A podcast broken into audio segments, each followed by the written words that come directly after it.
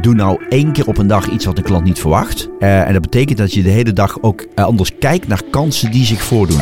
De leiders en professionals van Nederland helpen nog beter te worden in hun werk. Dit is Denk Tank, de podcast van Denkproducties. Met Hans Jansen en Koen van Huigenvoort. Dag Hans. Hallo Koen. Hi. Hey, iedere eerste maandag van de maand een inspirerende spreker in Denk Tank. En uh, vandaag is dat Jos Burgers. Waarom Jos?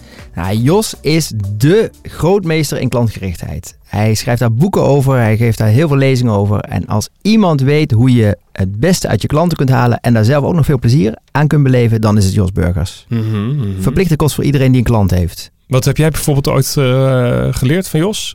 Ja, Jos is heel erg van de kleine interventies. Dus wat moet je doen om klanten dag in dag uit aandacht te geven en te belonen voor hun betrokkenheid? Wat wij bijvoorbeeld doen is als wij een seminar hebben en iemand geeft een onvoldoende, mm -hmm. dat gebeurt wel eens een keer, dan bellen we die persoon na. Dat doe ik. Dat doe jij? Dat heb ik gedaan wow. naar aanleiding van lessen van Jos. Als je een klant hebt die niet tevreden is, nou, dan, dan moet dat sowieso even, dan moet hij even gewoon daar uh, ruimte voor krijgen. En dan moet je dat gewoon eens eventjes lekker, uh, uh, als directeur moet je dat gewoon doen. Hmm. En de eerste keer denk je, oh damn, moet ik dat doen? Maar het is heerlijk. Ja? Het is fantastisch, ja. Ja, want je hoort echt dingen die je wel wil horen. Mm -hmm. En mensen hebben zoiets ik heb een evaluatieformulier ingevuld. Oh, lezen jullie dat echt? Ja, natuurlijk lees je dat. Dus het geeft ook als jouw bedrijf zijnde. Mensen krijgen bij ons altijd revanche dan. Dus een ander seminar. Als ze dat uh, nog graag willen. Uh, en het werkt gewoon echt. Het, het kweet gewoon betrokken klanten. En het verbetert de relatie meteen. Nou, ik ben heel benieuwd. Uh, wat je in ieder geval leert vandaag in Denktank is waarom je bij klanten de vraag achter de vraag moet achterhalen. Hoe je fans maakt van je klanten. Nou, volgens mij wat jij nou net zegt, daar maak je volgens mij een fan mee. Toch stiekem, ook al heeft iemand onvoldoende gegeven. Uh, toch? Ja, ze zeggen wel eens een klacht is een kans, maar ja. dat is dus echt zo. Ja, ja, dat ja, ja, wel. Ja. En waarom je geen korting moet geven. Lekker hè? Ja, die is ook goed om te weten. Hier is mijn gesprek met Jos Burgers. Jos! Koen! Van harte welkom. Dank je. Fijn dat ik hier mag zijn. Jouw vakgebied zijn klanten, klantgerichtheid. Wat is volgens jou de definitie van klantgerichtheid? Uh, de kern van klantgerichtheid is voor, voor mij helpen. Dat is één woord. Klanten willen één ding. Dat is geholpen worden. En doe je dat extreem goed, dan help je ze extreem goed. En waarmee help je ze dan? Uh, je helpt ze met uh, het oplossen van hun probleem, met uh, zorgen dat ze ergens plezier aan beleven. Uh, ja, het bekende uh, pain pleasure principle, wat zoals Amerikanen dat noemen, is mensen willen gewoon minder pijn, minder ellende, minder sores. Hmm. En ze willen meer lol, meer plezier, meer pleasure. Dus minder pain en meer pleasure. Dat is eigenlijk de kern, daar komt het bijna altijd op neer. Of je nou iemand wilt laten, laten besparen, bijvoorbeeld. Uh, nou, dat is fijn. Dat is uh, plezierig. Geld besparen. Of uh, ja, maakt, ja, maar daar komt het in de kern natuurlijk altijd op neer. Dus klantgerichtheid is voor mij helpen. En in zoverre vind ik dat ook nuttig. Dat ik voor mezelf dat woord ooit heb omarmd. Van daar gaat het om. Omdat je daar dan heel veel dingen aan kunt koppelen. Namelijk, wat dan als je iemand niet kunt helpen? Bijvoorbeeld, wat doe je dan? Ja. Nou, dan, dan, dan uh, krijg je dus de situatie van denken in mogelijkheden, in oplossingen als je iemand niet kunt helpen. Dus ik kan je niet helpen, maar ik ga het toch proberen. Kijken wat ik voor je kan doen. En helpen is ook uh, bijvoorbeeld uh, de vraag achter de vraag achterhalen. Dus als iemand iets vraagt, en laat ik het anders zeggen. klantgerichtheid en helpen is vooral niet datgene doen wat een klant vraagt. Oké. Okay. Mm. Maar het is doen wat hij nodig heeft. En dan help je hem echt. Ah, en hij is niet altijd geholpen als je gewoon doet wat hij vraagt. Oké, okay. dus eigenlijk moet je ook een klein beetje uh, eigenwijs zijn. Als, als uh, ja, ja, je moet niet eigenwijs overkomen. Nou ja, dat is weer wat anders. Maar ja, het wel zijn. En dus bijvoorbeeld door, door een, een, klant zegt van... kun je me ook helpen aan uh, 200 stuks uh, thermisch verzinkte schroeven, zus en zo. En nou, dan kun je zeggen, ja dat kan. Wanneer je wil je ze hebben, punt. Ja, en je kunt Mhm. zeggen, nou dat, ik denk, daar kan ik je zeker aan helpen. Maar Mag ik even vragen, wat ga je er precies mee doen? En als die klant dan zegt, nou, ik ben van plan dat en dan dat, zeg je, oh, wacht even, maar dan heb ik nog iets beters voor je. En dan help je hem dus beter Mhm. door niet te leveren wat hij vraagt. Dus bij een zegt. van mijn adviezen eh, aan, Mhm. aan mijn publiek of aan deelnemers aan seminars is ook altijd, eh, geef geen antwoord op vragen van klanten. Eh, want als een klant iets vraagt en je geeft gewoon antwoord, dan ga je niet op zoek naar de vraag achter de vraag. Oké, dus als een klant een vraag stelt, dan Ja. stel jij eigenlijk een vraag terug. Dan ja, stel ik het antwoord uit. Dus Oh, ik ja. beloof wel dat er een antwoord komt. Mhm. Dus als een klant een vraag stelt, zeg ik wel, eh, nou dat vertel ik je zo. Of zal, je dat zo uitleggen of toelichten. Maar je, vraagt, je, je stelt die vraag natuurlijk niet zomaar. Of je vraagt dat niet zomaar. Of mag ik vragen, wat is dan precies je doel of je plan met... Nou, dan ga je dus op zoek naar de vraag achter de vraag. En dan gebeuren er twee dingen. Eén is eh, helpen, zoals ik zei, je, kunt dan je gaat dan iemand beter helpen. En twee is, je krijgt ook een gunfactor ter plekke omdat op het moment dat je iemand eh, met een wedervraag een vraag stelt, dan toon je aan dat je interesse hebt in hem of in haar. eh, meer dan gewoon, eh, ja, ja je hebt, jij hebt euro's en die spaar ik.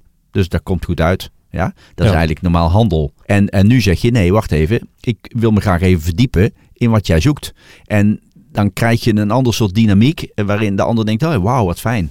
Het klinkt ook wel eh, als meer werk eigenlijk. Want stel je voor je hebt een bedrijf wat echt heel goed loopt. Hè? Ja, En de klanten die vallen eigenlijk vanzelf binnen. Dan is het misschien de uitdaging om dit te doen. Terwijl je ook kan zeggen, nou ja, hij wil gewoon dat hebben. Of zij, eh, ja. lever het maar. Het Ja. volgende klant. Nou, ik heb dus niets tegen als iemand eh, eruit is wat hij wil, wat hij zoekt. En iemand gaat naar internet Hmm. en die klikt aan. Ik heb dit, eh, stel dat ik een, een nieuw een boek, ik zie ergens een boek, denk oh wauw, hey, dat moet ik hebben. Eh, nou, dan ga ik naar managementboek.nl bijvoorbeeld en dan eh, bestel ik dat daar. In drie seconden heb ik het geklikt en klaar en ben ik klaar, komt het boek eraan. Dus dan op dat moment verwacht ik niet dat zij mij gaan vragen, ja, weet je wel zeker dat je het wil enzovoorts. Hè? Maar daar komt ook niet een, een menselijke factor aan te pas. Maar zodra er mensen in het geding zijn, met eh, in business to business of in een winkel of in een showroom of in, maakt even niet uit wat voor setting, ja, dan krijg je een ander soort dynamiek. En niemand wil zeg maar met de oom zijn die alleen maar vertelt op een verjaardagsfeest en nooit vragen aan jou stelt. Precies. Dat is eigenlijk wat je zegt, toch? Ja, precies. En die irritante oom die Ja. alleen maar over zichzelf praat. Ja. Ik, ja, precies. Ik, ik noem het wel eens als jij op maandagochtend eh, op de zaak komt en je staat bij de koffieautomaat en iemand vraagt aan jou, eh, hey, hoe was je weekend? Dan bedoelen ze te zeggen, oh, vraag eens hoe het mijne was. Mhm. Oh ja, ja. Maar als jij dan tien minuten vertelt hoe je weekend was, dan hebben zij geen tijd meer om te vertellen hoe hun weekend was. Ja, ja. Dat zei De- volgens mij ook op de psychologie van het overtuigen, eh, toen je daar op de planken stond. Wat zei je nou ook alweer? Even denken. Ehm, eh, dat als je thuis komt, dat je, ook al heb je een hele drukke dag gehad, je- bent bij het seminar geweest, dan zei je, vraag toch eerst even aan je partner, hoe was jouw dag? Ja, en dat moet ik ook zelf eh, echt vaak bewust doen. En, en, nee, maar daar ben ik gewoon heel eerlijk in. Ja. Want, want dat is in feite natuurlijk de kern. Eh, Mhm. Ben je, zoals Jan van Zetten dat altijd noemt, eh, ja, ben je geïnteresseerd of, of ben je vooral interessant?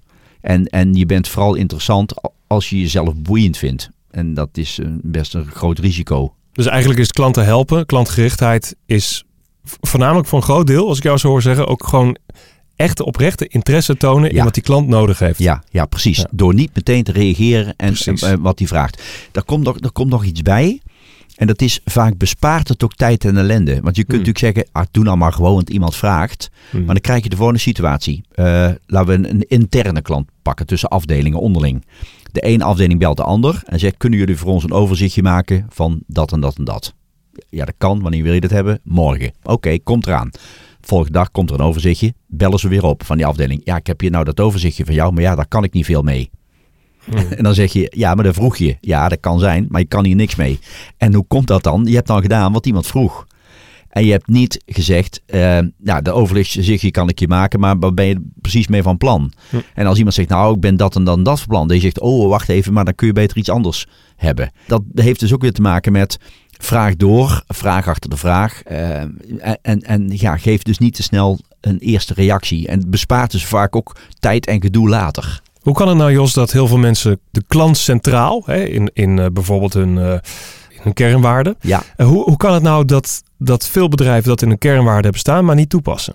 heel vaak draait het echt wel om de klant. Het is Ja. echt wel zo dat mensen vinden dat de klant belangrijk is. Eh, het is niet zo dat dat niet is. Maar het is vaak de waan van alle dag. Het is Hmm. druk. Dus ja, oh, er komt er weer een klant met een vraag. Eh, het, het heeft ook te maken met... Ja, nou ga ik iets gevaarlijks zeggen. Oh.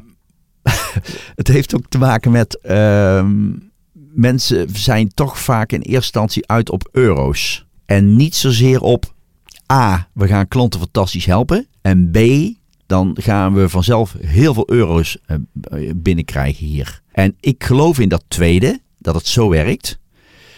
En vaak is men toch nogal. eh, Maar, maar zal ik, heel, ik zal even een heel, heel, heel concreet. eh, misschien wat.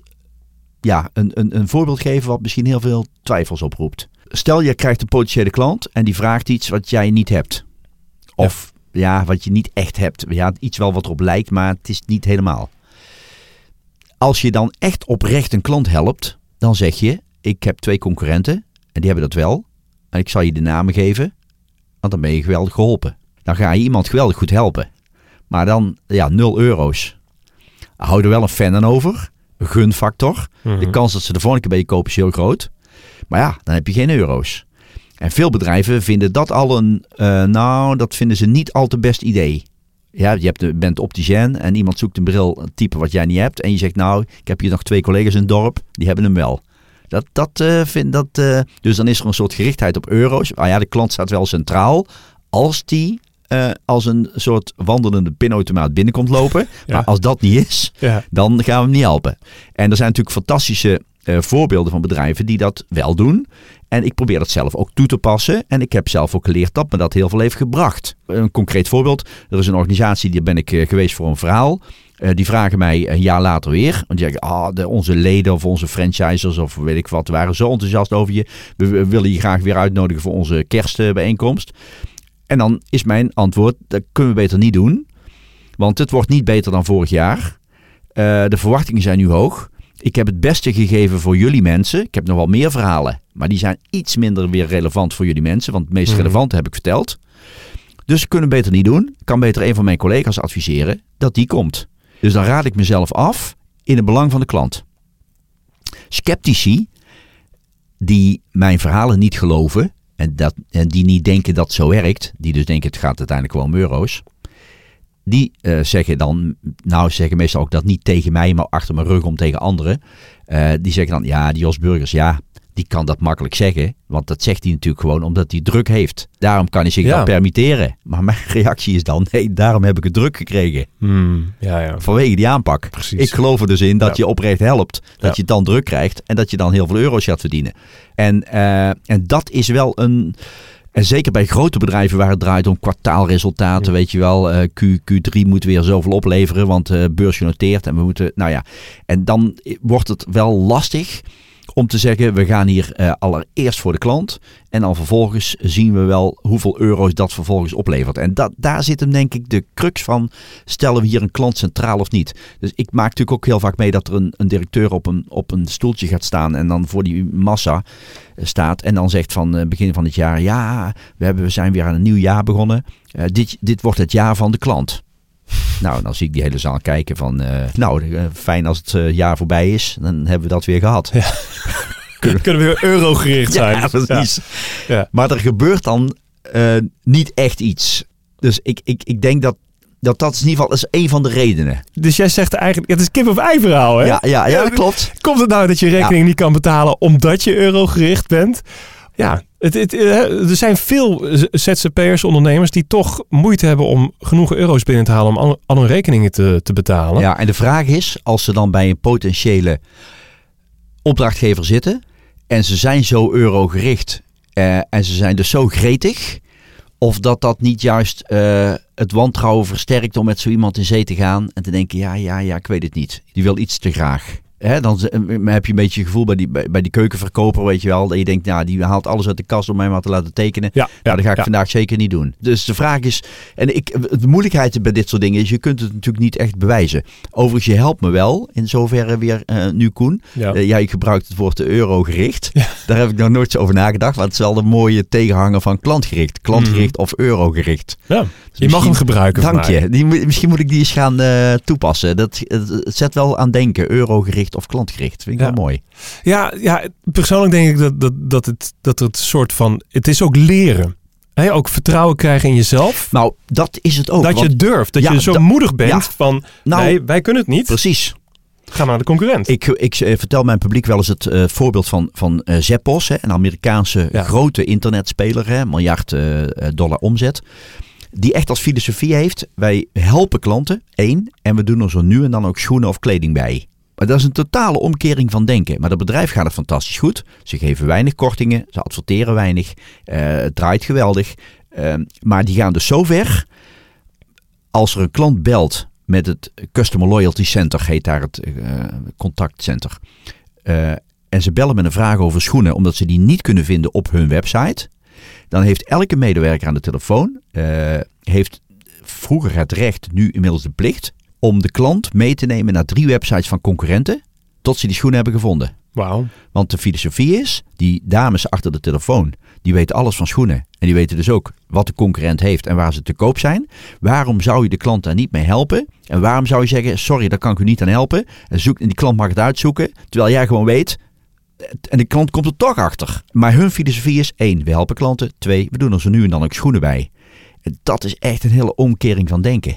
Hoe weet je nou, of hoe kun je hard maken dat klantgerichtheid rendeert? Ja. Wat zijn jouw ideeën erover? Uh, ja, uh, niet. Niet? Nee, oh. nee, vertel ik ook altijd eerlijk. Oh. Ik zeg er altijd eerlijk bij. Wat ik beweer is val, vrij, valt uh, vrijwel niet te onderbouwen. Het is een soort geloof. Je gelooft erin dat Mhm. het zo werkt, of je gelooft daar niet in. Ik ken ook genoeg mensen die zeggen: ik, oh, ik denk gewoon niet dat, ik geloof niet dat dat zo werkt. Nou ja, dat, dat mag voor mij. Maar ik kan het moeilijk bewijzen, omdat je dan namelijk uh, wetenschappelijk gezien een identieke situatie moet pakken Ja. van twee exact dezelfde bedrijven, waarvan eentje vijf jaar lang die filosofie aanhangt van eurogericht. Laten we het zo, hè? Dat is al een hele mooie. En, uh, en, en, Schrijf hem maar even op. Schrijf. Nee, die schrijf, je, hebt je, je hebt je blokje meegenomen. Ja, nee, die onthoud ik wel. Oké, oké. En vijf jaar lang klantgericht, een andere. En ik heb wel eens ooit gedacht, toen ik ooit dacht over wet- wetenschap, eh, promoveren, misschien ooit studie doen, heb ik wel eens ooit gedacht van, ik pak gewoon twintig winkels van de Vodafone of van de KPN of weet ik wat. En ik ga met KPN praten en mag ik tien van jullie winkels een nieuwe eh, eh, zeg maar zienswijze introduceren over klantgerichtheid. Tien andere eh, niet. We gaan ze volgen gedurende drie jaar en we gaan kijken wat is de verandering in resultaat gedurende drie jaar. Maar dat blijft wetenschappelijk gezien altijd lastig. Ja, er zijn zoveel dingen waarover ik met jou kan spreken. Want rampapampam, jouw nieuwe boek komt eraan. Je vijftiende boek. ja, klopt. Wauw. Ja, ik stond er zelf ook van te kijken toen ik ging tellen. Niet Ja, te je, geloven. je zult zeggen van ja, dat weet je toch wel. Maar ja, de eerste boeken is natuurlijk al 20, 22, 25 jaar geleden. Dus je hebt niet meer precies zo scherp. Maar ik kwam Ja, er nu achter ja. dat het echt vijftiende is, ja. Een Ja. van die boeken gaat ook over het eh, maken van fans van je klanten. Ja. Hoe doe je dat dan? Door een kleine verandering aan te brengen in je dagelijkse gewoonte. Eh, mijn, mijn stelling is dus eigenlijk van als je te veel wil veranderen, dan gebeurt er niks. Ehm, en mijn eh, laatste boek, wat dus uitgekomen is twee jaar terug, eh, of in 2017, eh één fan per dag, gaat dus over doe nou één keer op een dag iets wat een klant niet verwacht. En dat betekent dat je de hele dag ook anders kijkt naar kansen die zich voordoen.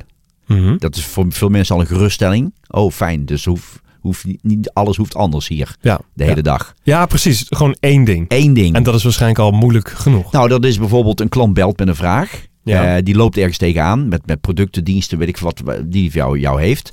En, eh, en die zegt, ik krijg dat maar niet eh, opgestart of gereset. Of hoe, hoe moet ik dat doen? Of, nou, je helpt die klant. En dan kun je zeggen, nou, ik heb hem geholpen, klaar. Maar je Mhm. kunt ook denken, wacht even, als ik die nou overmorgen bel, dan is dat een onverwacht telefoontje. Die, en je belt die klant en je zegt, ik heb je aan de telefoon gehad eergisteren. Ik was zomaar benieuwd, werkt het nu wel? Of heb je nog hulp nodig? Was er misschien iets anders wat nu niet eh, goed ging of wat dan ook? En dan denkt die klant dat jij zomaar nog aan mij denkt. Ongelooflijk. Ja. En dan maak je heel veel indruk met dat ene belletje. Ja. En, en, en de rest van de dag, maar je hoeft dus niet al je klanten terug te bellen. Maar je doet er gewoon één. Oké. Maar dat is hetzelfde als je, je hebt een winkel. Eh, iemand komt eh, klagen over iets. Of die zegt, ja, ik heb vorige week hier een, een, een meloen gekocht of zoiets. En die bleek thuis gewoon, die bleek gewoon niet goed te zijn. Ik heb hem uiteraard niet mee teruggebracht. Ik heb hem gewoon weggedaan. En ik hoef ook niks te hebben. Maar ik denk, ik meld het maar even dat jullie het weten. Normaal gesproken, oud gedrag is, oh mooi, we hoeven niks te doen. Want de klant geeft zelf aan, nou, ik hoef verder niks te hebben. En je kunt ook denken, wacht even, maar deze kans pak ik. Want die klant is zo aardig om het ons te komen melden. Die geeft zelf aan dat hij niks hoeft. En nu ga ik even een, een tros eh, verse witte druiven pakken, doe ik in een zak. Ik zeg, hou je van witte druiven? Ja, nou alsjeblieft, om het een beetje goed te maken. En dan heb je er die dag weer één fan bij. En de rest van de dag doe je gewoon je werk. Dat is dus eh, de kans. Dan hè, pak die je, maar, maar die kans pak je pas als je je een Ja. uitdaging stelt. Ja, je moet het wel zien. Je moet, het is wel even een andere Ja, maar het gedachte. zien gebeurt pas als jij een, een plan hebt in je hoofd, Ja. ga je ineens andere dingen zien. Als Ja, jij ja. van plan met een auto te kopen en je denkt, "Mm, misschien, ja, wat verdorie, Audi is toch eigenlijk wel mooi. Dan zie je ineens vanaf die dag al die Audi's rijden en dan denk je, hé, wat is dat precies voor een, oh, dat is een 6 en dat is een 8 en dat is een 5. En, en ehm, dus die, die kansen, die zie je wel, eh, ook om klantgerichter te worden en om klanten eh, extreem goed te helpen. Op het moment dat je dat hebt voorgenomen te doen. En al helemaal natuurlijk als je zegt, we zijn met z'n vijven. We hangen een lijstje in de kantine op bij de koffieautomaat. En er staan onze namen achter met maandag tot en met vrijdag. En je zet een kruis als die dag is gelukt. Ja, dan, Ja. dan gaat er iets ontstaan van, hé, hey, wat leuk. eh. Ja, er zijn, zoveel kleine, kleine winsten te behalen. Waarmee je een groot resultaat kunt boeken. ja, Ja, klein, of kleine dingetjes die je doet. Die een groot resultaat boeken uiteindelijk. Ja, maar dat, dat, dat is precies het verhaal. Ik heb. ehm, ik had gister, gisteravond had ik een zaal voor me met installateurs, eh, eh, zeg maar elektriciëns en verwarmingsmonteurs en noem maar op allemaal. En die, eh, en die heb ik voorgelegd. Kijk, als je elke dag één klein ding doet en jullie zijn met z'n tachtigen. Als je dat vijf dagen doet, dan gebeurt er dus 400 keer per Hmm. week gebeurt er wat. Als je dat 40 weken volhoudt, dan gebeurt er ja, 16.000. Nou, dan wil je niet weten wat er dan gebeurt. Maar dat begint gewoon met één klein ding op een dag. Ik had mezelf voorgenomen, en ik ben het ook nog aan het doen. Maar Ja. ik vind het onvoorstelbaar moeilijk, Jos. Ja. Ik had mezelf voorgenomen om elke dag drie handgeschreven bedankkaartjes te maken. Voor mensen met wie ik gesproken heb aan de telefoon. Nieuwe klanten. Nou, jou bijvoorbeeld. eh, ik noem maar iets. Eh, en ik- waarom drie en geen één? eh, ja, dat is een goeie. Dat, ik- dat ik dacht, nou ja, dan, dan zijn dat er iets van 50, 60 per maand of zo. En dan zijn er op jaarbasis 500, 600. Dan krijgt het misschien massa. Maar ja, dat is wel een goeie. Misschien moet ik gewoon eens beginnen met één kaartje. Ja. Ja, ja, ja. ja dat, dat is wel een goeie. Want ja, ik snap wel, je begint met, meteen met ambitie. Gaan Ja. daar vol tegenaan. Huppakee. En dan Ja. na drie dagen denk je, Ja. och, dus waren ook die kaartjes. Ook drie. Nou, oeh, dan moet ik vandaag ook zes. Oh, Ja, dat, maar dat is dus het gevaar. Is van, oh, nou moet ik er weer één doen. heb ik geleerd van onder andere Ben Tigelaar. Eh, bij het schrijven van het boek ben ik heel erg op zoek gegaan naar verandermanagement inzichten. Want dat is niet mijn vak van, van huis uit. Mhm. Dus, eh, maar ik wil de klantgerichtheid combineren met veranderen. Dus ik ben op zoek gegaan naar eh, wat zijn nou die principes van, van veranderen. En, en, en onder andere Ben Tigelaar is daar echt een expert in. En die, ehm, ja, die geeft dan eigenlijk terug van maak het klein. Ja. Maak het super, super, super klein. En vaak wordt het allemaal te groot Hmm. gemaakt.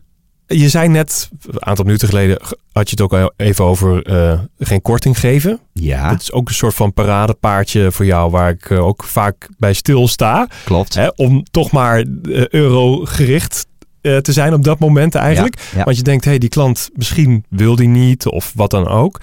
En dan, dan denk je van, nou, geef korting en dan, dan zegt hij wel ja. Maar jij zegt eigenlijk, geef nooit korting. Ja, geef nooit korting. Korting ruilen mag. Dat wil zeggen dat dan de deal ook anders wordt. Precies, dat is het, hè? Dus als de klant iets van an- ja, iets, een andere prijs wil en jij verandert de deal, Mhm. dan is het niet zo raar dat er ook een andere prijs aan hangt. Voor maar, maar een andere deal is bijvoorbeeld je gaat meer krijgen of je Mhm. gaat minder doen. Dat is de kern. Maar voor de rest vind ik korting geven, ja, daar ben ik nogal op tegen. Dat, dat, dat klopt. Maar overigens, misschien, misschien is het wel leuk dat ik van deze gele- gelegenheid gebruik mag maken. Want mensen kennen mij dan soms van zo'n boek Geef Nooit Korting. En die denken, ja, het gaat hem alleen maar om geld. Dat is ook niet helemaal Mhm. waar. Maar mijn stelling is juist, als het je goed gaat, omdat je minder korting geeft, kun je juist eens een keer iets gratis doen of iets doen voor een ander. Ja. Waar iemand iets aan heeft. Als, je, als jij als, als eh, regionaal of lokaal bedrijf, weet ik wat, eh, het leuk vindt om de, om de hockeyclub of de voetbalclub te sponsoren. Ja, met zo'n bordje langs zo'n veld. Ja, je hebt er echt geen moer aan zo'n bordje. Maar dat moet je altijd doen. Mhm. Voor die club. Maar, dat, maar dan zeg je, wat kost zo'n bordje? 400 euro. Dan zeg je, nou hang maar neer. Sowieso leuk voor mijzelf als ik mijn eigen bordje zie. En, eh, en ik heb er verder niks aan. Ja. Maar, eh, maar dat doe je pas als het je goed gaat. Ja. En ik geloof dus heel erg in eh, ja, goede dingen doen voor de regio, voor de samenleving. Maar dat, dat gaat een stuk makkelijker als het jou goed gaat. Een heel mooi voorbeeld had ik onlangs. Ik had eh, een met dierenartsen. En die werken echt hard. En die moeten soms dag en nacht klaarstaan. En eh, nou, je kunt beter tandarts worden dan dierenarts, voor de duidelijkheid. Als je echt eh, geld wil verdienen. Hè? En eh, nou ja, goed. Dus de dieren, ik zei tegen de dierenartsen, waarom wo- worden jullie niet gewoon duurder? Gewoon die vaccinaties en die dingen. Maar, mensen hebben heel veel geld over, hè? Voor die hond en die kat en noem maar op allemaal. Gewoon, gewoon duurder worden. Heb ik het even over de huisdieren dan. En toen zeiden sommige eh, dierenartsen, ja Jos, we begrijpen jou wel, maar we hebben daar toch moeite mee. Want er zijn mensen die hebben een hond of een kat, die hebben verder nauwelijks geld. En dat is het enige wat ze hebben. En als ze er ergens nog een beetje liefde van hebben, is het van, van dat beest. Maar dan is, en dan is mijn reactie natuurlijk van ja, ik hoop niet dat je die mensen dan laat betalen voor de vaccinaties. Want die hebben niks. En ik hoop dat je bij die 95% gewoon de, de prijzen flink verhoogt. En dan zegt op vrijdagmiddag tussen 3 en 5, doe ik er een aantal gratis. Dat is volgens mij eh, maatschappelijk verantwoord ondernemen. Dus ik ben niet voor. ehm, ik ben niet tegen korting geven om alleen maar gewoon duurder te worden en meer geld te verdienen als, als hoofddoel.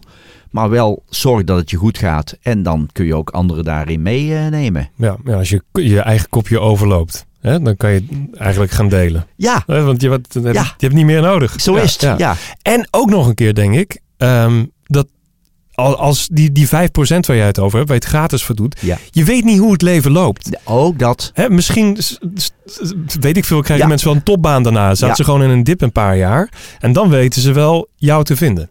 Maar zo werkt het eh, in, inderdaad eh, niet als je het berekenend doet. Mhm. Zo van met voorbedachte raden. Dan werkt het niet. Want je moet, vind ik, geven. Als, als je echt geeft, moet je dat gewoon zo doen. eh, zonder voorbedacht. Gewoon Ja. ja. ja, onvoorwaardelijk. Laat ik het zo noem, maar noemen.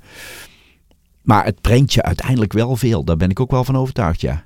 Kunnen we zeggen dat klantgerichtheid lange termijn is, eurogerichtheid korte termijn? Eh, Mag dat zo zeggen, denk je? dat sowieso. Ja. Maar ik, eh, dat is het sowieso. Maar het is niet alleen maar, denk ik, korte en lange termijn. Want er zijn natuurlijk ook mensen die eurogericht zijn, gewoon ook lange termijn. Die zeggen dat is korte termijn en lange termijn. Misschien mag ik er nog even één ding aan toevoegen. Zeker. Voor degenen die echt bezig, veel bezig zijn met klanten enzovoort. Want klantgerichtheid was jouw vraag, hè? En daar was mijn antwoord helpen. Ja. Ehm, maar er is voor mij ook nog zoiets als klantvriendelijkheid. Dat is wat anders. Ja, dat is wat anders. Hmm. En dat is bejegening. Dat is hoe ga je met mensen om. En dat is wat anders dan helpen. Ja, ja. Dus eh, één is helpen, klantgerichtheid. En twee is klantvriendelijkheid, is de, de wijze waarop je helpt. De wijze waarop je helpt, de bejegening. En je kunt namelijk twee fouten maken. Je kunt mensen super vriendelijk niet helpen. En je kunt ze met tegenzin goed helpen. En in beide gevallen maak je iemand niet heel erg blij. Dus als je iemand vraagt om jouw hulp, een klant, en je gaat zuchtend eh, eh, iemand helpen, zo van, "Ach, nou, Oké, daar kunnen we normaal niet aan beginnen. Ja. Maar vooruit dan, voor deze keer. Dan, dan is de bejegening beroerd. Alleen je helpt wel. En daar wordt de klant niet blij van. En je kunt ook, wat heel veel bij helpdesks eh, gebeurt. Dat is nog steeds een heel bijzonder woord eigenlijk, helpdesks. Hè, want vaak word je niet geholpen. Maar ehm, eh, heel vaak aan helpdesks word je ehm, zeg maar met heel veel begrip niet geholpen. Men toont alle begrip. Ja. Ik begrijp uw probleem. Maar ja, daar kunnen wij ook niks aan doen. terwijl ze de nagels aan poetsen is. Ja, precies. Dus ze helpen je niet, maar wel heel vriendelijk. En voor mij gaat het dus altijd om de combinatie van die twee. Als het gaat om eh, klantbeleving, klanttevredenheid, customer experience of hoe het tegenwoordig ook allemaal heet, is dat voor mij dus de, de, de, de optelsom van die twee. En de klantvriendelijkheid, de wijze waarop, en klantgerichtheid helpen. En als je dus beter wil worden, kun je je bij beide afvragen van hey, hoe kan ik dat verbeteren? En dan de optelsom maakt dan dus eh, ja, dat je fans hebt, ambassadeurs, eh, ja, klanten die over je roepen. Dat is dan het gevolg uiteindelijk. Fijn dat je dit nog even erbij zet, want eh, ik had die vriendelijkheid misschien wel al onder die gerichtheid geschaard. Ja, nee, en dat is Ja. echt wezenlijk wel wat anders. Ja. Even wat anders, Jos. Ja. Want eh Denktank heeft ook een community. Hè, dus eh, Zeker. ja, de, de luisteraars van, eh, van de Ja. show. Ja. Eh, en die mogen vragen stellen. En Oh. we hebben een aantal vragen binnengekregen. Eerlijk waar? Ja, ja, Hans Jansen die heeft, eh, die Oh. heeft eh, opgeroepen, Ik moet- onder andere op zijn Ik LinkedIn. moet nu even tegen de luisteraars zeggen dat Ja. ik dat echt niet weet. Want die denken natuurlijk, Nee. ja, die zit daar even eh, net te doen alsof hij niet weet wat voor vragen. Maar Ja. dat is echt gewoon zo. Ja, ja, dat is echt zo. Dat kan gemaild worden. Het mailadres noem ik straks even aan Ah. het einde van de show. Maar je kan ook Hans op zijn LinkedIn, als je naar Hans Jansen gaat van Denkproducties LinkedIn, kan je vriend worden van, van connecten met Hans. Oh, ja, En ik zit daar, zelf niet op LinkedIn. Dus, Daar maakt niet maar uit. goed, je hebt het niet voorbij zien komen. Maar in ieder geval, er zijn een paar vragen. Oh, wat Ja, mooi. Wat mooi. De eerste is van eh, Sander Kwak. Hij is eh, accountmanager en eh, hij zegt... wat is, zijn de juiste KPI's om klantgerichtheid te meten of inzichtelijk te maken? Ja, KPI's. Ja, dat is ook weer mooi, hè? Ehm, Zegt hij met een lach op zijn gezicht. ja, ja, ja, ja, ik ben niet zo heel erg van de KPI's. Ja, dat, dat, dat, dat want dat staat al. een beetje haaks op geloof, hè? Ja, ja, ja. Ja. Nou, een hele belangrijke als het om klantgerichtheid en klantvriendelijkheid gaat, is als het gaat over meten. Wat wil ik vaststellen? eh, dan is dat niet meten wat met Net Promoter Score gebeurt. En dat is eh, hoe, hoe waarschijnlijk is het dat u ons zou aanbevelen bij anderen. Mhm. Ik zal daar even uitleggen waarom ik dat niks vind. Ehm, maar het meest zuivere is meten hoeveel klanten krijgen wij hier nieuw binnen. Omdat ze met iemand gesproken hebben die positief over ons is. En als je dat percentage ziet groeien, dan weet je, nou we zijn fantastisch goed bezig. En als je daar een KPI aan kunt hangen, van we willen dat per maand van de vijf nieuwe klanten er twee of drie minimaal binnenkomen op referentie van een ander, dan weet je dus dat je met klant- klantgerichtheid heel goed bezig bent, want dan genereert dat klanten. Eh, In plaats van dat een klant binnenkomt op een online campagne of op een search iets of op een, eh, nou ja, een brochure of een advertentie of een commercial. Maar eh, dus ik geloof heel erg in het meten van, van dat soort echte resultaten. Of bijvoorbeeld de trouw van klanten. Hoeveel klanten raken wij kwijt? En we meten per maand hoeveel blijven er bijvoorbeeld. Of eh, de gemiddelde orderwaarde groeit. Mensen gaan steeds meer met ons doen, bijvoorbeeld. En daar, hebben we, daar hangen we er gewoon een KPI aan. En dan kunnen we aan meten van, hé, hey, blijkbaar zijn we goed bezig. Want, kijk, klantgerichtheid eh, is op zich natuurlijk lastig te meten. Omdat dat een gevoel, een beleving bij een klant is. Als ik voor iemand begrip toon, bijvoorbeeld. Als die eh, iets lastig vindt of duur, iemand vindt iets duur en ik toon daar begrip voor of wat dan ook, dan is dat die bejeging is dan heel fijn, maar dat is lastig meten. Uh, mensen die daar meer van willen weten, uh, een boek van uh, Fred Lee. Uh, als Disney de baas was in uw ziekenhuis. Lijkt te gaan over ziekenhuis en zorg, maar gaat überhaupt over klanttevredenheid. Hmm. Fantastisch boek. Daarin zegt hij van heel veel van die elementen van klantgerichtheid en, klantble- en klantvriendelijkheid, die kun je niet echt gewoon meten. Het, eh, of iemand empathisch is, in, invoelt, een klik met jou heeft. En dat, dat, dat valt bijna niet te meten.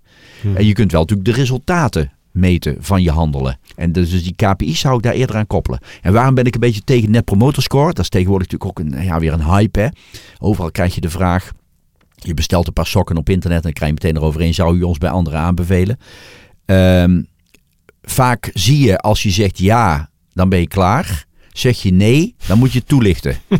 nou, dan voel je al wel aankomen wat de meeste mensen denken. Oh, gewoon ja zeggen. Ah, ja. Dus iedereen zegt ja, ik zal je aanbevelen. Maar niemand beveelt ooit aan.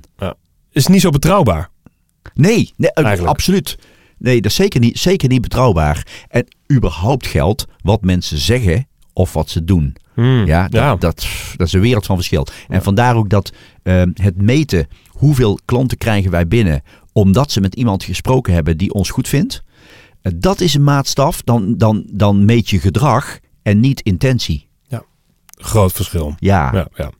Marcel Delien, hij is interim eh, teamcoördinator finance, die eh, stelt deze vraag.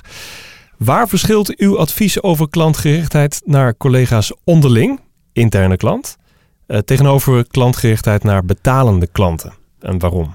Ehm, er is één groot verschil in de situatie, waardoor ook de klantgerichtheid wat anders is. En dat is namelijk ehm, intern heeft iemand geen keuze. Een soort gedwongen winkelnering. ja, Jij ja, moet met die collega's samenwerken. Punt. En, en, en je kunt niet zeggen, nou ja, dan neem ik wel een andere. Bij, bij een externe leverancier heb je de keuze. Mhm. Dat maakt, omdat die afhankelijkheid er is en omdat dat voor iemand niet prettig is, maakt het eh, het belang van de relatie nog belangrijker. Dus klantgericht zijn, wil je fans maken intern onder je collega's, is het nog belangrijker omdat zij geen keuze hebben en wel met jou moeten. Eh, en, en, dat- dat niet prettig voelt. Kijk, als je altijd de trein moet pakken en je hebt alleen maar de NS morgen, je hebt geen enkele keuze. Dat is niet zo lekker als dat je gewoon tussen drie leveranciers voor een nieuwe laptop eh, kunt kiezen. En ehm, dus dat is een groot verschil, waardoor dus de noodzaak eh, nog groter is. Er is wel een ander probleem. en dat is omdat je elkaar redelijk goed kent, krijg je snel natuurlijk iets van. Eh, ach ja, om, om nou extra mijn best te doen voor hem of voor haar. Of, dus het is wel eh, interne klantgerichtheid. Ik denk niet dat de principes dus afwijken. Dus als het gaat om waar we het net over hadden. eh, klantgerichtheid is helpen en bejegening is, is klantvriendelijkheid. Dan geldt dat natuurlijk, of het nou binnen of buiten is, dat maakt vervolgens niet uit. Maar het is wel lastiger omdat je elkaar door en door kent. En al snel iets gaat aannemen van, eh, oh, dat zal hij wel niet zo belangrijk vinden of, of wat dan ook. En dat maakt het wel lastiger. Kijk, ehm, relaties in zijn algemeenheid Eh, als die langer duren, worden ze vanzelf beroerder. Is mijn stelling. Hoe lang ben jij getrouwd Ja. ook alweer, eh, Jos? Eind dit jaar 46 jaar. Oh man. Maar, ehm ik, ja, ik, ik ben net één jaar getrouwd. oh, dus, ja, eh, ook heel mooi. Ja, 46, wauw. Ja, nee, maar ehm, de relaties, de, de- ja, daar ben ik ook echt van overtuigd hoor. De meest, veel relaties worden vanzelf beroerder, Ja. omdat namelijk eh, een ander verwachtingen heeft en die, en die komen niet uit. Hm. En eh, dat is één. Ehm, en een twee, eh, er er treedt een soort slijtage op. Een soort van, oh ja, gewoon. Of ja, dat is nou eenmaal zo. Of ja, zij doet dat nou eenmaal altijd. Ja, de eerste jaren vond ik dat wel heel fijn en bijzonder. Maar ja, nou ben ik er zo aan gewend. en dat heeft dus te maken, en je went aan iets. En Ja. je gaat het dus minder waarderen. En Ja. dus eh, eh, krijg je, ja, dat er dus sleet, heet dat geloof ik, eh, ontstaat op relaties. Mooie En- woorden heb jij. Bejegenen, sleet. Ja, het zijn, ja, Prachtige woorden, joh. Ja, dat zijn Ja. eh, eh, woorden van de vorige eeuw natuurlijk. En, eh, en eh, dus bij klanten, lange relaties met klanten, Ja. die hebben ook soms ook de neiging om een beetje van, ja, die gaat het gewoon vinden. En dat is wel tussen collega's Ja. onderling. Dan heb je altijd al, al- als het ware dezelfde klantrelatie of leveranciersrelatie intern. En dan treedt er een soort sleet op. Dus ik zal, maar als ik een voorbeeld mag geven. eh, je, je ziet een collega die heeft hartstikke druk.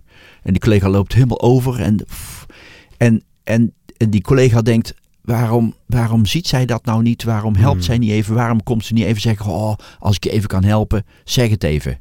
Ja? En die collega, die andere, die denkt, ja, als het echt nodig is, dan hoor ik het wel. En de ander denkt, ik had het toch wel heel fijn gevonden als je het zelf had aangeboden. In plaats van dat ik het moet vragen. Hm. Nou, dat soort kleine dingen. Op het moment dat je elkaar beter kent, en dat is dus intern, dan wordt dat wel eh, ja, nog meer een uitdaging. Ja. En ik, ik maak dat ook vaak mee als er bijvoorbeeld eh, bedrijven worden overgenomen. Dus een, een, een, interne een facilitair bedrijf of zo, als eerst extern. En er worden nu ineens collega's.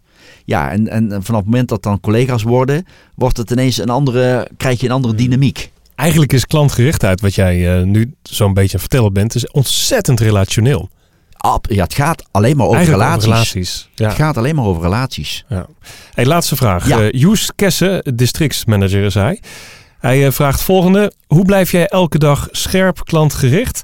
En hoe vul je dat in op, vind ik een goede vraag dit, op hectische of slechte dagen? Als je zelf bijvoorbeeld minder lekker in je vel zit of het is heel druk op het werk of zo. Ja.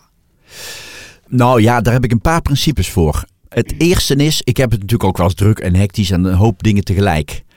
En dan heb ik geleerd in al die jaren, eh, als je één ding tegelijk doet, heb je het nooit druk. Oké. Dus ik gooi alles op een grote stapel. Mhm. Ik pak dat ene ding en ik denk, dit krijgt nu alle aandacht. De grootste, Dat, vieste kikker. dat telefoontje, ja. Ja. Ja. dat telefoontje of dat voorbereiden van dit en dat en dat. En ik denk niet van oh, dat en dat. Nee, één ding, één ding tegelijk. Ehm, dat is één aspect. Ik denk ook wel dat ik. Ja, dat is altijd moeilijk van jezelf te zeggen. Maar ik denk ook wel dat het bij mij wat inmiddels in mijn systeem zit. Dus dat ik niet meer heel bewust moet denken van... oh, vandaag dan eh, eh, kom ik bij dat bedrijf en dan ga ik mijn best doen. En nee, ik, er zitten een aantal dingen in mijn systeem... die te maken hebben denk ik met klantgerichtheid, met klantvriendelijkheid... en die ik bewust, eh, sorry, onbewust doe. En dus ik hoef niet bewust te denken van... oh, vandaag zit ik wat minder in mijn vel. Ik, ik ga extra mijn best doen. Ik, dus als het een soort tweede natuur wordt... Mhm. ja, dan ben je daar niet meer mee bezig van... ik heb een mindere dag en hoe doe ik dat dan vandaag? Mhm. Ja, dus eigenlijk wat Maslow zegt. Je bent onbewust bekwaam. Ja, Eh, en als wat we het straks over hadden, als je bijvoorbeeld startend bent, je bent meer euro-gericht, nog dan klantgericht, ben je misschien op dat moment bewust onbekwaam of zelfs onbewust onbekwaam op dit vlak. ja, dus Ja. je moet jezelf, zeg je eigenlijk gewoon bewust zijn van ook hoe je je voelt of zo, of hoe je erin staat en, en, en technieken wat je zegt, nou ik pak één ding, daar ga ik aan werken. Want ja, dan blijf ik de rust behouden, het Ja. overzicht behouden. Ja. En als dan een klant belt, dan ben je ook rustiger. precies. Ja. Maar kleine dingen. Pas kreeg ik ook te horen van iemand die stond daar zo van te kijken. Eh, eh, ik zal even een kleine gewoonte. Een gewoonte is waar ik dus niet meer bij stilsta. Wat jij dus noemt, hè, eh, onbewust be- bekwaam. Hè? Ja. Als ik ehm, ergens bij een zaal arriveer. hè, gisteren had, ik- was ik nou, in, in de bos bij een bijeenkomst. Dan heb ik altijd te maken met, vrijwel altijd, met één of twee technici die ik ontmoet. En die, die, die zitten dan wat te schuiven achter die knoppen en te doen. En nou ja. En het eerste wat ik doe is, ik wil weten hoe ze heten. Dat valt vaak al niet mee, want het zijn van die technische jongens die mompelen wat. Dus ik moet dan even. Dus gisteren had ik Nick bijvoorbeeld, eh, Oh ja? als voorbeeld. Ja. En eh, zij zei eh, met zijn achternaam erachteraan, dus ik verstond het niet goed. Ik zeg, "Maar mag ik nog heel even opnieuw? Want ik, hij zei, nee, Nick. Ik zei, oh prima, ik ben Jos. En daarna onthoud ik dat hij Nick heet. En als ik twee mannen heb, vaak zijn het mannen, eh, onthoud ik die twee namen. Dat zit in mijn systeem, dat doe ik niet heel bewust van. Ik moet nu die namen van buiten leren, maar dat wil ik gewoon. En eh, als ik dan een half uur later vraag aan Nick of aan Ronald. Hé Ronald, kun jij me nog heel eventjes helpen met een extra kabeltje voor dat en dat en misschien een klein krukje enzovoort.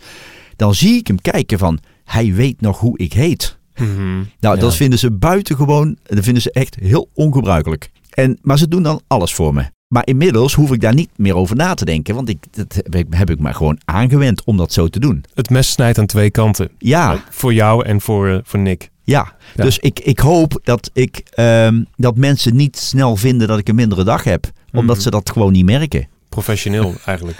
Ook wel een stukje, toch? Ja, ook wel professioneel. Ja, ik bedoel er meer Ja. van dat, dat als jij echt een rotdag hebt, ja, wa- waarom zou je die ander daarmee echt vermoeien? Of je klant.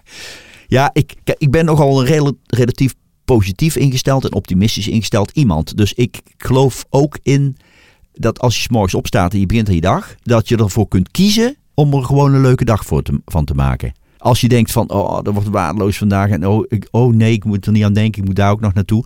Dan gaat ook alles tegenzitten en, en, en, dan kun je bijvoorbeeld ook je auto niet kwijt of zo. En dan denk je, ja, zie je wel, gewoon, had ik al wel, dat had ik vanmorgen al wel kunnen denken dat ik mijn auto niet kwijt zou kunnen. En, en, en als je denkt, 's morgens, nou, ik ga er gewoon een leuke dag voor maken, wat kan mij het schelen.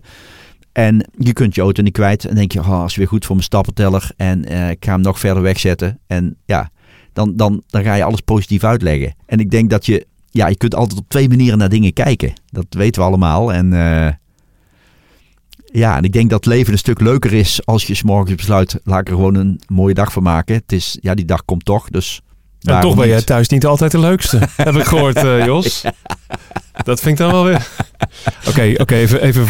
Zal- Jos, zijn nieuwe boek. uitleggen? Ja, ja, jouw nieuwe boek heet eh, Ik ben thuis niet altijd de leukste. Eh, of ja, thuis ben ik niet altijd de leukste. eh, ja, ehm, thuis ben ik niet zo leuk. oh, sorry. Thuis, thuis ben ik niet zo leuk. Thuis Zo ben ik die. niet zo leuk. Ja, thuis ben ik niet zo leuk. En het boek gaat over humor. En wanneer komt die uit trouwens? Februari Februari 2020. 2020, ja. ja. Misschien om even eh, uit te leggen waar, van waar die titel. Het is natuurlijk een titel wel met een knipoog. Dus als mensen het boek zien, dan zien ze ook wel, oh ja, het is met een knipoog bedoeld. Maar wat ik daarmee eh, wil zeggen is, eh, zoals je kunt kiezen om met een bepaalde houding naar je werk te gaan, kun je er ook voor kiezen om af en toe humor te gebruiken. En dat betekent niet dat je 24 uur per dag de lolbroek hoeft uit te hangen. Ook zeker niet thuis. De meeste cabaretiers, ook cabaretiers die ik ken, die zeggen ook gewoon, ja, thuis ben ik ook gewoon niet, niet zo leuk. Nee. En, en op een verjaardag al helemaal niet. En dan denken mensen, oh, hij komt, dat wordt lachen, Ja. gieren, brullen. Nou, dat is gewoon niet zo. Want die gaan een beetje zitten observeren van, zie ik hier nog leuke dingen die ik kan gebruiken in mijn programma. En met thuis ben ik niet zo leuk, heb ik dus willen aangeven, je mag best eh, humor, meer humor gebruiken in je werk. En dat wil niet tegelijkertijd zeggen dat je thuis. Nou, en, en dus het is een titel met een knipoog, maar het boek gaat over eh, klanten vinden, binden met humor. Jos, wat anders. Het is tijd voor eh, een van mijn favoriete eh, onderdelen van Denktank. Namelijk de Yamaha-kaarten. Dus als jij er... Van Bertolt Gunster? Of? ja, ja, als je er drie zou willen trekken. Drie kaarten. Ja, e- even beginnen met eentje. En die mag je hardop voorlezen en dan je reactie erop geven, alsjeblieft. Eén, twee. Oh, wacht even. Oh, oh, no, Oh, eentje, één, eentje. één. Oh, ja, even. eerst beginnen met de eerste. Oké. De vraag is, moet ik vaker nee zeggen? Het antwoord is wel volmondig ja. Ja? Ja, ik moet vaker nee zeggen. Hmm. Eh, Dat, eh, ik word er wel steeds beter in. Ik leer het ook. Zonder eh, dat ik dan ehm, ophoud met mensen helpen. Mhm. Dus mag ik, mag ik iets heel raars? Ja, ik ga iets heel raars zeggen. Ik krijg veel verzoeken van mensen. Ja, eh eergisteren sprak nog iemand die zei: Ik heb een boeiend iets met een, een zaal, met een software. En dan kun je mensen met de telefoon iets laten doen en zo. Ik zei: Nou, daar ben ik niet zo van. En zei: hij, Kun we een keer koffie drinken? Ik zei: Nee, dat doe ik niet. Ik maak geen afspraken. Hm. Maar ik wilde wel naar kijken. en je dan een advies geven wat je hiermee zou kunnen doen. Oh, oh, daar ben ik ook al blij mee. Dus ik zeg dan nee tegen al die eh, koffieverzoeken. Daar, daar, daar begin ik gewoon niet aan. Maar ik help wel iemand, maar ik stel er altijd één voorwaarde aan. En dat is, als je nou vindt dat ik je heb geholpen, nou fijn, fijn te horen. Maar doe me één plezier, hou me niet op de hoogte hoe het met je gaat. Want dan word ik heel zenuwachtig Ja, jij helpt zoveel mensen, Jos. Nou ja, Ja, nee, ja, nee, maar dat denk ik, ik, word er heel zenuwachtig van als iedereen, maar iedereen maar op de hoogte blijft Ja. houden hoe het met ze gaat. Ja. Want dan hebben ze weer een vraag en dan verwachten ze een Ah, reactie. En dan, ja. voor het weet, zit je gewoon de hele dag zit je te mailen en te appen. En dat is, eh, dus ik, dit, hier moet ik ja op zeggen. Ik moet vaker nee zeggen. Nee zeggen. Volgende kaart. Een mooie, hè? Ehm, zal ik alleen op mijn intuïtie vertrouwen? Ja, dat is wel eh, vol, ook volmondig ja. Ik heb geleerd in mijn leven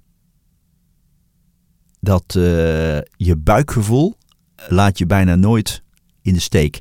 Misschien is wat intuïtie is voor vrouwen, is misschien buikgevoel voor mannen. Dat is meer met, met bier en buikgevoel, associeer ik dat dan. Maar eh, ik denk dat ja, we moeten meer op ons buikgevoel vertrouwen. Als je eh, te maken hebt met een klant en je denkt al in een, in een, in een vroeg, eh, vroeg stadium, oh, dan gaat het niet worden. Dat komt bijna altijd uit. Eh, of waar begin ik aan? Dat- En dan, dan, dan, dan praat je jezelf moed in. denk je, ach ja, ik moet me er maar overheen zetten. Misschien valt het wel mee uiteindelijk. En dat is bijna nooit. Dus je buikgevoel, je intuïtie is een echte, omdat dat eigenlijk opgeslagen ervaring is. Wauw. Ik heb die uitleg echt nog nooit gehoord. Ja, Dat is een mooie. Intuïtie is opgeslagen ervaringen. Ja nou ik zit even te denken, waar komt het Ja. dan vandaan natuurlijk? Want Ja, het is een beetje dom van, ja, ik heb zomaar een gevoel en dat eh, zal wel kloppen. Nee, Nee. maar dat is natuurlijk in de loop van de jaren heb je zoveel meegemaakt. En dat heeft allemaal ergens opgeslagen. En dan je gevoel zegt je dan, maar je gevoel dat komt gewoon uit, toch uiteindelijk uit die, uit die hersenen vandaan. Mhm. Dus ik denk dat ja, die opgeslagen dat is een soort gecumuleerde eh, belevenissen, ervaringen, waardoor je voelt van, oh, hier moet ik voor oppassen. Dus antwoord is ja, vertrouwen. Ja. En de laatste kaart. Mooi is dit. Moet ik gelijk krijgen als ik weet... Oh, dat is het lijkt wel uitgezocht. Het is het niet. Ik, Nee, ik heb nee. erbij gezeten. Maar Ja. moet ik gelijk krijgen als ik weet dat ik gelijk heb? Nou, dat is een hele mooie. Want mijn stelling is: het, het siertje. Als je niet op zoek gaat naar je gelijk, terwijl je dat wel hebt. En het is voldoende als je het voor jezelf weet. En je denkt, nee, ik weet gewoon dat ik gelijk heb. En wat schiet ik ermee op om dat ook nog eens een keer bevestigd te krijgen door die ander of om me gelijk dan te halen. Ik vind dus gelijk hebben vaak eh, voldoende ehm, en het hoeft niet altijd gehaald te worden. Dus gelijk krijgen, nee, dat hoef ik zeker niet altijd. Ah, mooi. Jos, ik ben echt een heel groot fan van je en ik vond het echt geweldig dat je hier was. En eh, hopelijk nog tot een andere keer. hey, dankjewel man. Jij ook bedankt hè. Oké. Ciao. Jos Burgers, de man in Nederland over klantgerichtheid in eh Denktank. En Jos staat ook geregeld op de planken voor denkproducties. En je hoort hem nu over verwachtingen van klanten in Denktank. We gaan het hebben over verwachtingen. Want van klanten fans maken, van klanten fans maken. Ja, wat is eh, daarvoor nodig? Dat is in de kern natuurlijk eh, buitengewoon simpel. Daarvoor moet je de verwachtingen van een klant een enkele keer overtreffen. Nou, dat is natuurlijk op zich niks nieuws wat ik nu zeg. hè. Eh, eh, verwachting overtreffen. Maar je kunt op twee manieren de verwachting overtreffen. En ik ga van beide ga ik even een mooi voorbeeld geven. Het eerste is eh, meer doen dan wat de klant verwacht. En het tweede is minder beloven. Hè, want als je minder belooft, valt het nogal snel mee. Zeg maar. Dit werkt ook thuis weer vrij goed. Nee, u herkent dat wel, hè? Je bent dus s'avonds een keer met, met vriendinnen of met vrienden op pad. U kent dat wel, hè? En dan zeggen ze, eh, en eh, wordt het laat vanavond? Dan zeg je, nou, nou, ja, het kan best half één, één uur worden, bijvoorbeeld. Nou, als je dan kwart over één thuis komt, dan zeg je, zo, ben je laat. Hè? Dus je kunt beter zeggen van, oh, ik denk heel erg laat dat het wordt. Ja, wel half twee, twee uur. Nou, dan ben je kwart over één thuis. Oh, ben je lekker vroeg. Zo makkelijk is het gewoon. Dus minder beloven is makkelijker dan meer doen. Alleen het slechte nieuws is, wij beloven ongelooflijk veel. Want we hebben ook allemaal van die accountmanagers. Nou, die lopen te beloven. Weet je niet? Dat je denkt, nou, als dit toch eens uitkomt, zeg. Ja, oh, dat zou fantastisch zijn. En als je die website leest en die brochures, nou, dan staan daar dingen dat je denkt, nou, dat is te mooi om waar te zijn. En u weet inmiddels hoe het is, hè? Als, als het te mooi lijkt om waar te zijn, is het meestal gewoon te mooi. Ja, en niet waar. Dus uh, wij beloven dus heel erg veel. En er zijn ondernemingen die zijn fantastisch goed in niet te veel beloven. Ik geef u een, prachtig voorbeeld. Ik had een keer uh, een mooie reis met Julia. En we waren ergens in Alaska. En uh, nou, dan ga je dus allerlei dingen opzoeken en wat ga je allemaal ondernemen daar enzovoort. En een van de, uh, de, de hot, hot activiteiten daar was uh, walvissen spotten. Dus nou, wij ook walvis. Nou, dus wij gingen naar zo'n haven. Er was zo'n boot. En er gingen mannen 40 op zo'n boot. En die gingen walvis spotten. Nou, hadden zo'n reisleidster en zo'n schipper, zo'n zo kapitein. Nou, die nam ons gewoon mee. Was een uurtje varen, een uurtje, anderhalf uur varen, open water. En, uh, en die reisleidster zei onderweg al daar naartoe: Ja, je moet natuurlijk ook wel veel geluk hebben. Dus reken er niet te veel op dat je heel veel gaat zien. Maar uh, zorg wel voor dat je het fotostel in de aanslag hebt. Nou, dus wij, iedereen allemaal over de rand met die fotostellen enzovoort. Hè. Nou, en dan, we waren daar aangekomen en af en toe zagen we een vin. Nou, en iedereen helemaal opgewonden. Oh, heb je het gezien? Een vin? Nee, ik heb het niet gezien. Ja, die was daar echt. was een vin. Nou, en laat eens terugzien. Nou, niks te zien, want die was hij alweer weg, die vin. En iedereen dus enthousiast van links naar rechts. En af en toe zag je dus een vin. Nou, dat duurde zo'n half uur, drie kwartier. En we dachten, ja, dit is het dan. En, en, toen zei ze, nou, ik heb even met de kapitein overlegd. We varen nog even door, want er is een plek en daar hebben we misschien wel meer kans nog, dat meer vinnen enzovoort. Nou, dus ja, graag. Dus nou, wij weer een uur verder met die boot. Nou, u voelt hem al aankomen. Waar wij aankomen, die walvissen die buitelden over elkaar heen. Dat was niet normaal. Wat bleek, dat was gewoon een hele nauwe doorgang van de ene zee naar de andere. En die moesten er allemaal gewoon door. Dus die moesten er allemaal een beetje boven het water uit, zeg maar. Want anders kwamen ze niet van de ene naar de andere kant. Dus nou, een en al walvissen. Nou, en onze verwachtingen, nou, die werden dus enorm overtroffen natuurlijk. Want we hadden nergens meer op gerekend. Ja, en we zeiden, oh, moest je kijken, een en al walvissen op die foto's. Nou, dat was echt fantastisch. Toen kwam het magische moment. Want wij gingen terug naar de kust. En op de, op de kade stond natuurlijk weer een clubje toeristen te wachten. En toen zei die reisleidster tegen ons: uh, Ja, misschien is het goed omdat je niet zegt dat je veel walvissen hebt gezien. Want dat valt wel eens tegen. En zo dadelijk hebben die mensen heel veel verwachtingen. En je kunt beter zeggen dat het niet meevalt om een walvis te ontdekken. Nou, ik wist inmiddels beter. Ik dacht, dit is het businessmodel. En, um, en dat bestond uit niet te veel beloven en dan valt het sneller mee. Alleen het grappige is natuurlijk, wat doen wij in de praktijk? Wij beloven heel veel en wij doen niet zo snel iets meer als wat een klant verwacht. Uh, ik geef een voorbeeld. Sommigen van u zitten misschien in de retail. Nou, je komt in een supermarkt en dan uh, is er een aanbieding bijvoorbeeld. Hè? En dan staat er bijvoorbeeld uh, zes flessen wijn halen, vijf betalen.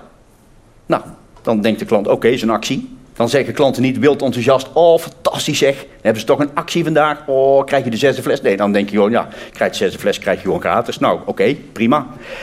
Sterker nog, dan leidt dat vaak tot ontevreden klanten als de wijn op is.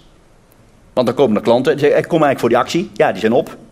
Ja, op, ja, stond er ook bij hè, op is op. Nou, en dan heb je een leuke actie en dan heb je heel veel ontevreden klanten. En nu is mijn stelling, wel eens, en dat zeg ik ook wel eens tegen supermarktmanagers, geef eens gewoon een fles wijn weg. Zeggen ze, geef een fles wijn weg. Zeg, ja, doe je nou toch ook? Die zesde. Moet je gewoon weggeven. Weggeven? Ja, gewoon bij de kassa. Dan zeg je gewoon, heeft iemand een volle kar? Dan zeg je gewoon, kan ik u zo'n plezier doen met een flesje wijn? Flesje wijn? Hoezo? Ja, zomaar. Zomaar? Ja, dat doen we vandaag. Oh, en morgen? Morgen niet. Wat leuk. Nou, zeg je, ja, dat doen we zomaar vandaag. Nou, en dan gaat iemand met een fles wijn naar huis. En, denk, nou, en de vraag is natuurlijk, hoe creëer je ambassadeurs? En ik, ik weet dat er bijvoorbeeld Jumbo-supermarkten zijn die steeds vaker zeggen, dan zeggen die managers, als we nog een stukje brie over hebben op het einde van de dag, dan kun je dat dus wel met 85% korting in een bak gooien. Maar je kunt ook denken, als het toch al bijna niks opbrengt, kun je beter gewoon iemand cadeau doen en iemand gewoon een plezier doen. Die om vijf uur nog allerlei boodschappen komt halen en gewoon zeggen, kan ik u soms een plezier doen met een stukje brie? Dat kan zich zomaar? Ja, gewoon zomaar. En dan heb je er denk ik één ambassadeur, één fan bij. En wij beloven dus nogal veel en we doen zo weinig extra's voor klanten, is mijn stelling. Nou, ik zal ook een positief voorbeeld geven, want uh, meer doen, wat houdt dat nou in de praktijk in? Uh, uh, wij mogen wel eens als sprekers ook in, in, in, mooie theaters staan. En zo staan we vaak ook één keer per jaar in De La Mar in, in Amsterdam. Het theater wat, misschien weet u dat, Joop en, en Janine van den Ende, die hebben, dat, eh, eh, nou, die hebben daar het voortouw genomen om daar een fantastisch theater van te maken. En de klantgerichtheid daar, dat is ongekend. En als je het hoort, dan denk je, ja, ja, het is eigenlijk niet zo moeilijk. Nee, maar de kunst is dat je even denkt vanuit die klant.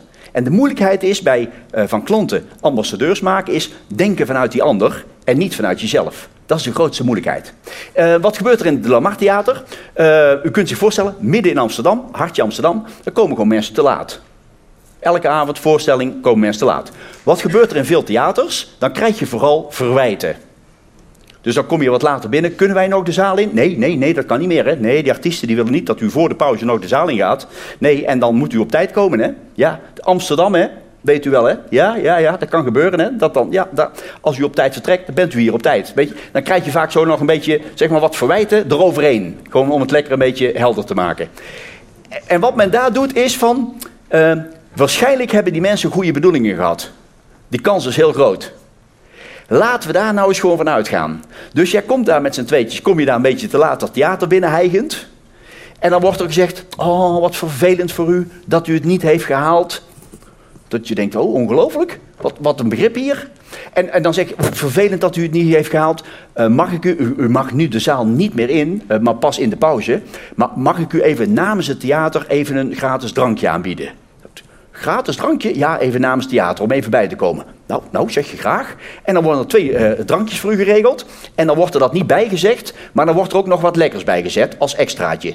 Ja, dus dat krijg je dan eens gewoon, dat wordt er dan bijgezet. Nou, voor dit weet wordt gezellig. En, en dan zit je daar en dan word je gezet bij een scherm waarop je de voorstelling kunt volgen die op dat moment nog bezig is, die eerste helft voor de pauze. Wat denkt u wat dat doet met mensen? Twee drankjes, ja, in plaats van al die dure catalogussen die normaal gesproken het hele land instuurt. En ik denk dus dat het uiteindelijk gaat om de vraag: ben je ook bereid om eens een keer wat euro's uit dat promotieverhaal te halen en te zeggen: laten we die af en toe eens een keertje steken in ambassadeurs, in fans. En dat gaat maar om kleinigheden, maar dat doet wel heel veel. En ik denk, als je zo'n ervaring hebt, dat je de volgende keer denkt: de Lamar. Ja? En als je de keuze hebt van meerdere theaters voor een voorstelling, dan denk ik dat daar je voorkeur eruit gaat. Nou, iets meer doen. Uh, maar dat vraagt om je verplaatsen in de ander. Lijkt makkelijk, maar mag ik even wat eh, doen? Want ik, heb, ik zie hier een mooie lijn. Ik ga hem toch heel even doen. Ik leg altijd uh, graag als volgt uit hoe moeilijk het is om je te verplaatsen in een ander als je de ander niet bent. Ik spreek wel eens voor banken en dan geef ik het volgende voorbeeld. Bij banken, weet u wel, heb je lang geleden heb je van die uh, privacylijnen gekregen. Die had je vroeger niet. Vroeger kon je gewoon zo achter iemand gaan staan en dat een beetje zo volgen. Dus dat was gewoon leuk in die tijd, zeg maar even. Hè? Maar ja, dat mocht op enig moment niet meer. Dus uh, dan kwamen van die lijnen. En dan stond er vaak een bord bij. En daar stond dan... Uh, onze klanten hebben behoefte aan privacy. Wij verzoeken u achter deze lijn te wachten. Hè? Nou, dan, dan deed ik dat altijd. Want dan kwam ik zo aanlopen. En dan ging ik zo, hup, zo achter die lijn staan. Dus bij die balie. En dan zeiden die mensen, meneer, alsjeblieft wilt u achter de lijn blijven. En dan zei ik, ja, maar ik, ik sta er toch al achter. En dan zeiden ze, ja, we bedoelen ook eigenlijk meer ervoor. Ik zeg, oh, ervoor? Ik dacht al, waarom staat hier achter? Maar daar staat altijd achter, omdat ze dat bedenken van achter de balie. Achter de lijn, en die bedenken het niet uit de rij, want die mensen staan zelf nooit in de rij. En het valt niet zo mee om te denken vanuit een rij als je er zelf nooit in staat. Ik weet niet hoe dat nu op de zaak gaat, hè? maar ik weet niet, u heeft waarschijnlijk wel eens een ICT'er aan de lijn van de helpdesk van binnen of van buiten. Ik zal u zeggen wat er gebeurt. Dan belt, uh, u belt op naar zijn ICT'er en dan, uh, en dan zegt u bijvoorbeeld ja, hij doet het niet. Of uh, dit doet het niet. En dan komt er zo'n vraag van zijn ICT'er die zegt dan, ja, zit je nu achter je tablet? Of zit je nu achter je pc? En dan zegt u meestal ja, terwijl u er gewoon voor zit. Begrijp je? Je moet eens een keer als ze zeggen, zit je erachter? En u zegt ja, en dan zeggen ze, wat zie je? Dan moet je zeggen, ja, draden. Dat, draden, ja, heel veel draden. En stekkers ook, stekkers. Oh, maar dan zit je erachter. Ja, dan vroeg je toch of ik erachter zat. Ja, nee, maar ik bedoel ook ervoor. Oh, ik dacht al ervoor. Nou, en, maar dat heeft te maken met, vanuit hun gezichtspunt zit jij erachter. Begrijpt u? En het valt niet zo mee om te denken vanuit die ander, als jij gewoon die ander niet bent. Nou, en dat is de grootste moeilijkheid bij klantgerichtheid. Denken vanuit een ander als je die ander niet bent. Dat is best een opgave. Jos Burgers tijdens een seminar van Denkproducties. Volgende podcast uh, komt weer vanaf een seminar, Hans. Purpose Driven Leadership. En daar spreken een heleboel goede sprekers. En die halen we allemaal voor de microfoon. Sterker nog, we hebben zoveel sprekers dat we het in twee podcasts gaan opknippen. Oké. De eerste die, uh, die uh, live gaat komen, die is met de Nederlandse gasten. En dan krijgen we bijvoorbeeld Daan Rozegade, de kunstenaar. We krijgen Jitske Kramer, corporate antropoloog. En we krijgen bijvoorbeeld oud-legercommandant, legerleider Peter van Oem. En de week erop hebben we een dedicated podcast met onze hoofdgast van het seminar. Dat is namelijk Simon Sinek. Yeah! Hij komt echt. Hij oh. komt voor onze microfoon. Ja, maar dat, sorry hoor, maar dat is toch wel echt super gaaf. Een dingetje. Ja, Jeetje. zeker. Ja, ja. Jouw lach kan niet breder. ja, volgens mij wordt dat de eerste Nederlandse podcast, denk ik zo hoor, waar Sinek uh, te gast is. Ja, dat zou zomaar eens kunnen. Ja, ik, ik, ik denk het wel. Ik durf niet keihard uit te spreken, maar het wordt wel een bijzondere podcast in ieder geval. Hij wordt geweldig. Maar ook die van uh, volgende week al Zeker. met die Nederlandse gasten wordt echt heel bijzonder. Want ja. deze mensen hebben allemaal een heel gaaf verhaal over leiderschap. En daar kun je onwijs veel van leren. Ja, Purpose Driven Leadership. Volgende podcast dus, Denk Denk. Vond je wat je vandaag hoorde inspirerend? Dan krijg je de nieuwste shows automatisch op je telefoon. Dat kan door je te abonneren via bijvoorbeeld Spotify, Google Play en Apple Podcasts. Tot de volgende Denk Denk. Tot de volgende keer.